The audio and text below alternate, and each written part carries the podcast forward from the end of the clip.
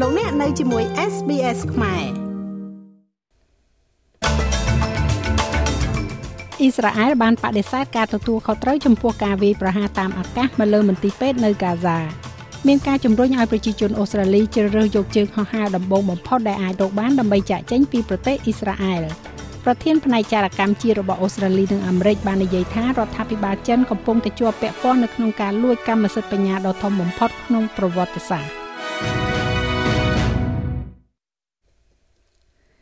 អ៊ីស្រាអែលបានបដិសេធការទទួលខុសត្រូវចំពោះការវាយប្រហារតាមអាកាសមកលើមន្ទីរពេទ្យនៅក្នុងក្រុងកាហ្សាដែលអាជ្ញាធរសុខាភិបាលហាម៉ាស់និយាយថាបានសម្លាប់មនុស្សអស់រាប់រយនាក់ក្រសួងសុខាភិបាលកាហ្សាដែលគ្រប់គ្រងដោយក្រុមហាម៉ាស់និយាយថា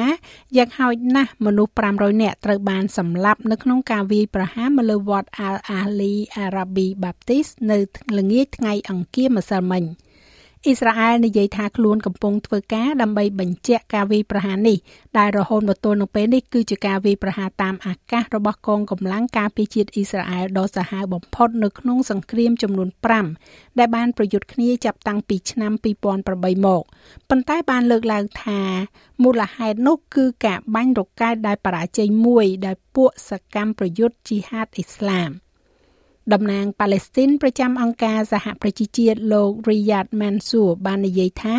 លោកជឿថាអ៊ីស្រាអែលជាអ្នកទទួលខុសត្រូវនិងបានអំពាវនាវឲ្យមានបទឈប់បាញ់នៅក្នុងចំនួននេះ Those responsible for this crime should អ្នកដែលទទួលខុសត្រូវចំពោះអ ுக ្រិតកម្មនេះគួរតែប្រឈមមុខនឹងយុត្តិធម៌ ហើយគួរតែប្រឈមមុខនឹងការទទួលខុសត្រូវយើងជាក្រុមអារ៉ាប់ទាមទារប័ណ្ណឈប់បាញ់ភ្លាមភ្លាមពីព្រោះការបន្តនៃសង្គ្រាមនេះវាមានន័យថា ជាការសម្លាប់ជនជាតិប៉ាឡេស្ទីនកាន់តែច្រើនឡើងច្រើនឡើងជារៀងរាល់ពេល។ នេះកើតឡើងចំពេលមានវិធានការសងសឹកពីកងកម្លាំងអ៊ីស្រាអែលបន្ទាប់ពីការវាយប្រហារដោយក្រុមសកម្មប្រយុទ្ធហាម៉ាស់ដែលបានសម្លាប់មនុស្សយ៉ាងហោចណាស់1400នាក់នៅក្នុងប្រទេសអ៊ីស្រាអែលខណៈដែលក្រុមហាម៉ាស់និយាយថាមនុស្សយ៉ាងហោចណាស់3000នាក់បានស្លាប់នៅក្នុងតំបន់ហ្គាហ្សា។ ស្របពេលជាមួយគ្នានេះដំណើរទស្សនកិច្ចរបស់លោកប្រធានាធិបតី Joe Biden ទៅកាន់មជ្ឈិមបូព៌ាបានជួបនូវបញ្ហាធំមួយបន្ទាប់ពីប្រទេស Jordani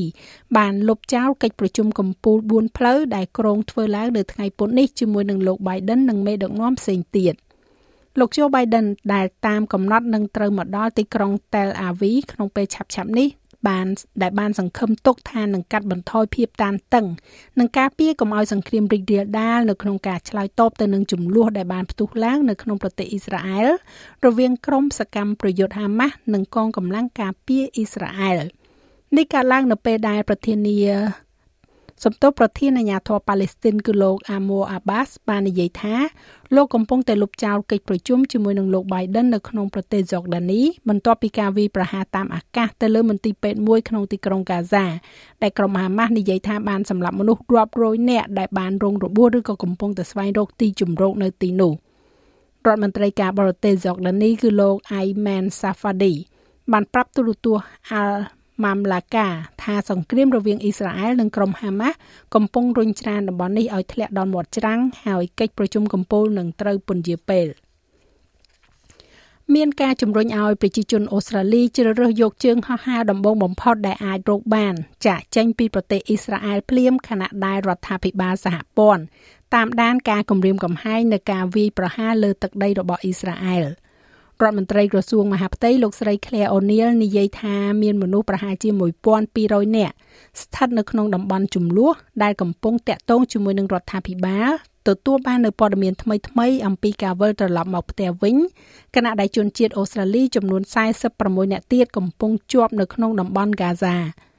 វាកាលឡើងបន្ទាប់ពីជើងហោះហើរពីទីក្រុងឌូបៃដឹកមនុស្សជាង200នាក់រួមទាំងជនជាតិអូស្ត្រាលី និងពលរដ្ឋដែលមានសញ្ជាតិ2បានចុះចតនៅទីក្រុងស៊ីដនីកាលពីល្ងាចថ្ងៃអង្គារខណៈដែលជើងហោះហើរពីទីក្រុងឡុង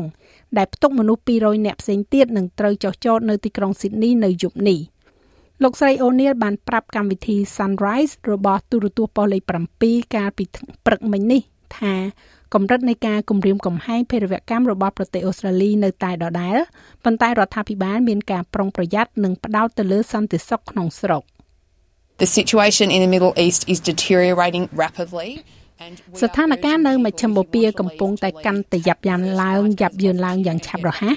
ទទួលយកជើងហោះហើរដំបងដែលផ្ដល់ជូនអ្នកហើយត្រឡប់មកអូស្ត្រាលីវិញឲ្យបានលឿនតាមដែលអ្នកអាចធ្វើទៅបានខ្ញុំជឿជាក់ថាយើងអាចឆ្លងកាត់រឿងនេះដោយសន្តិវិធីនៅក្នុងដំណោះស្រាយនេះក្នុងនាមជាពលរដ្ឋអូស្ត្រាលីប៉ុន្តែសូមដឹងផងថាយើងកំពុងមើលយ៉ាងដិតដល់និងប្រុងប្រយ័ត្ន ប្រធានចារកម្មជាតិនៃប្រទេសអូស្ត្រាលីនិងសហរដ្ឋអាមេរិកបាននិយាយថារដ្ឋាភិបាលចិនកំពុងតែជាប់ពាក់ព័ន្ធនៅក្នុងការលួចកម្មសិទ្ធិបញ្ញាដ៏ធំបំផុតក្នុងប្រវត្តិសាស្ត្រអគ្គនាយក ASIO គឺលោក Mike Burgess និងនាយក FBI លោក Christopher Wray បានជួបប្រជុំគ្នានៅរដ្ឋ California សម្រាប់សន្និសីទស្ដីពីការលួចចូលឬក៏ hacking របស់ចិន ដែលជាកិច្ចប្រជុំសាធារណៈលើកដំបូងដែលមិនធ្លាប់មាននៃភាពជាដៃគូស៊ើបការភ្នែក5ឬក៏ Five Eyes ក្រុមនេះនិយាយថាកិច្ចប្រជុំជាសាធារណៈមួយដែលមានតំណាងមកពីប្រទេសអង់គ្លេសនូវែលសេឡង់និងកាណាដាចូលរួមផងដែរនោះគឺចាំបាច់ដោយសារតែកម្រិតនៃការគម្រាមកំហែងដែលបង្កឡើងដោយសកម្មភាពចារកម្មរបស់ប្រទេសចិន។ លោក Burgess និយាយថាវាមិនមែនជារឿងភ្ញាក់ផ្អើលទេដែលប្រទេសចិនកំពុងប៉ុនប៉ងលួចយកការច្នៃប្រឌិតរបស់អូស្ត្រាលីហើយថា ASIO បានរកឃើញនិងបង្អាក់ផែនការដើម្បីជ្រៀតចូលស្ថាប័នអូស្ត្រាលីដ៏ល្បីល្បាញមួយកាលពីខែមុន The Chinese government is engaged in the most sustained scaled រដ្ឋាភិបាលចិនបានចូលរួមនៅក្នុងការរក្សានិរន្តរភាពមាត្រដ្ឋាននិងទំនើបបំផុតនៃកម្មសិទ្ធិបញ្ញានិងជំនាញក្នុងប្រវត្តិសាស្ត្រមនុស្សវាមិនអាចទទួលយកបានទេ វាមិនធ្លាប់មានពីមុនមកទេប្រទេសចិនបានបង្កើតគំរូអាជីវកម្មដ៏ខុសខើមួយក្នុងគោលបំណងដណ្ដើមផលប្រយោជន៍ពាណិជ្ជកម្មក្នុងពេលជាមួយនេះ អូស្ត្រាលីបានបន្តការដាក់ទណ្ឌកម្មពាណិជ្ជកម្មប្រឆាំងទៅនឹងរុស្ស៊ីរយៈពេល2ឆ្នាំទៀតខណៈដែលការឈ្លានពានរបស់រដ្ឋាភិបាលក្រុងមូស្គូមកលើប្រទេសអ៊ុយក្រែនអូសបន្លាយពន្ធគយបន្ថែម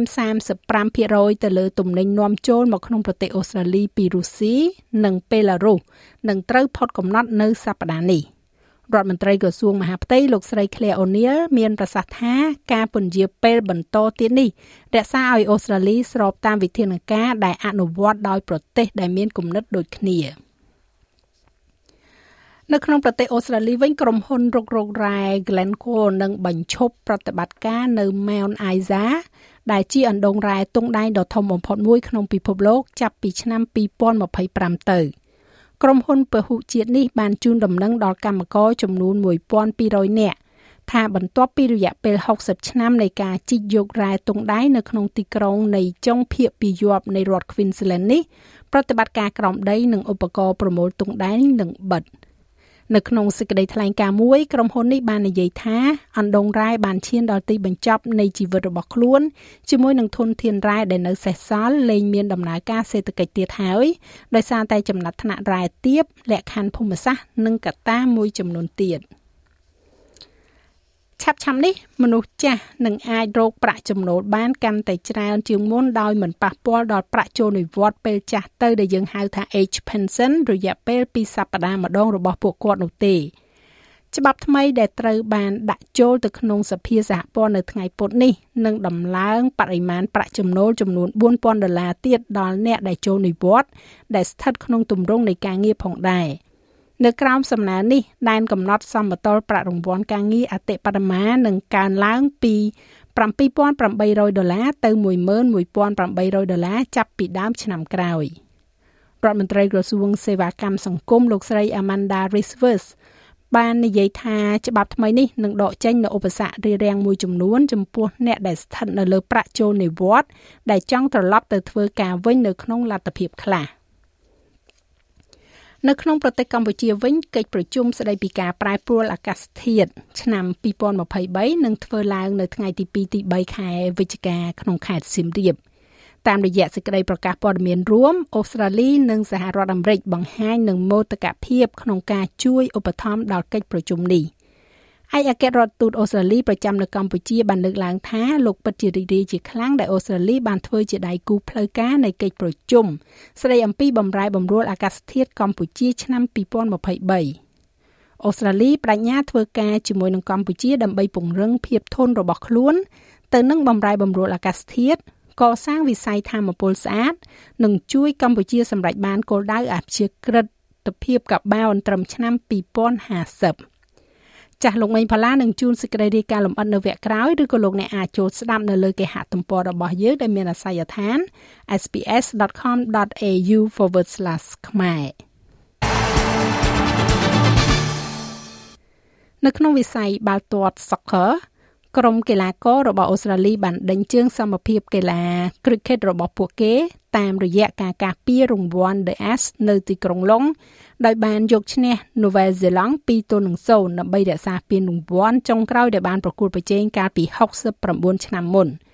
ជ័យជំនះនេះបានធានាឲ្យអូស្ត្រាលីរក្សាពានរង្វាន់ Anzac Soccer Ash ដែលទៅតែរកឃើញនៅក្នុងការ៉ាសនៅរដ្ឋ Queensland ដែលបានបាត់ខ្លួនតាំងពីពាក់កណ្ដាលទសវត្សរ៍ឆ្នាំ1950មក ចំណែកឯអត្រាប្តូរប្រាក់វិញនៅថ្ងៃនេះ1ដុល្លារអូស្ត្រាលីមានតម្លៃប្រមាណជា63.7ដុល្លារអាមេរិកសំទោស63សេន7ដុល្លារអាមេរិកត្រូវនឹង2630រៀលប្រាក់រៀលខ្មែរ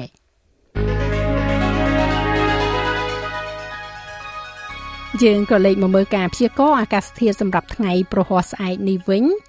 នៅទីក្រុងផឺតបើកថ្ងៃល្អ25អង្សា នៅអាដាលេដក៏បើកថ្ងៃដូចគ្នាដែរ30អង្សាដូចគ្នានៅមែលប៊ន26អង្សាភាគច្រើនបើកថ្ងៃនៅហូបាត23អង្សា មានពពកតែស្រឡះមកវិញនៅ Canberra 24អង្សា ទីក្រុង Sydney មានពពកដោយពេល23អង្សា ដូចគ្នានៅ Brisbane 26អង្សា មានពពកដោយពេលដូចគ្នាដែរនៅ Cairns 31អង្សា នៅ Darwin បើកថ្ងៃ35អង្សា និងនៅទីក្រុងភ្នំពេញ មានផ្គររលឹម32អង្សា thank you